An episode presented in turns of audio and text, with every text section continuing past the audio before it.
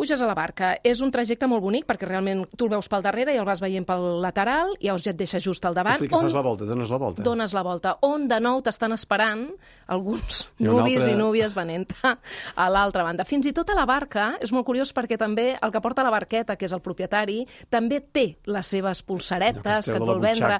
uns Clar, objectes coberts amb un drapet, eh, com si Així, fossin així. no, Un tresor. un petit tresor. I mira, i Però diu, clar, els ulls se'n van cap al temple, cap a aquest meravellós temple consagrat a la deessa Isis i al seu fill Horus. No ho pots evitar.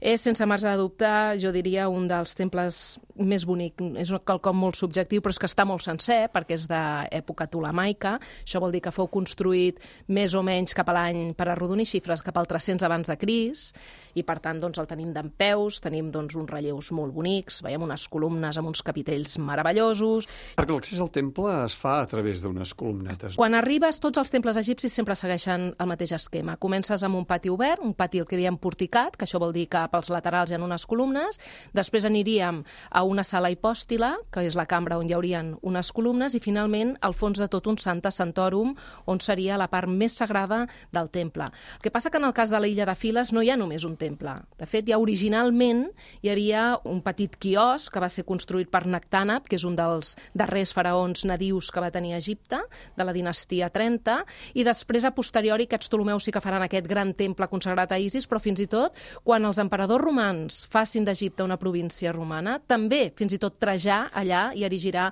un temple.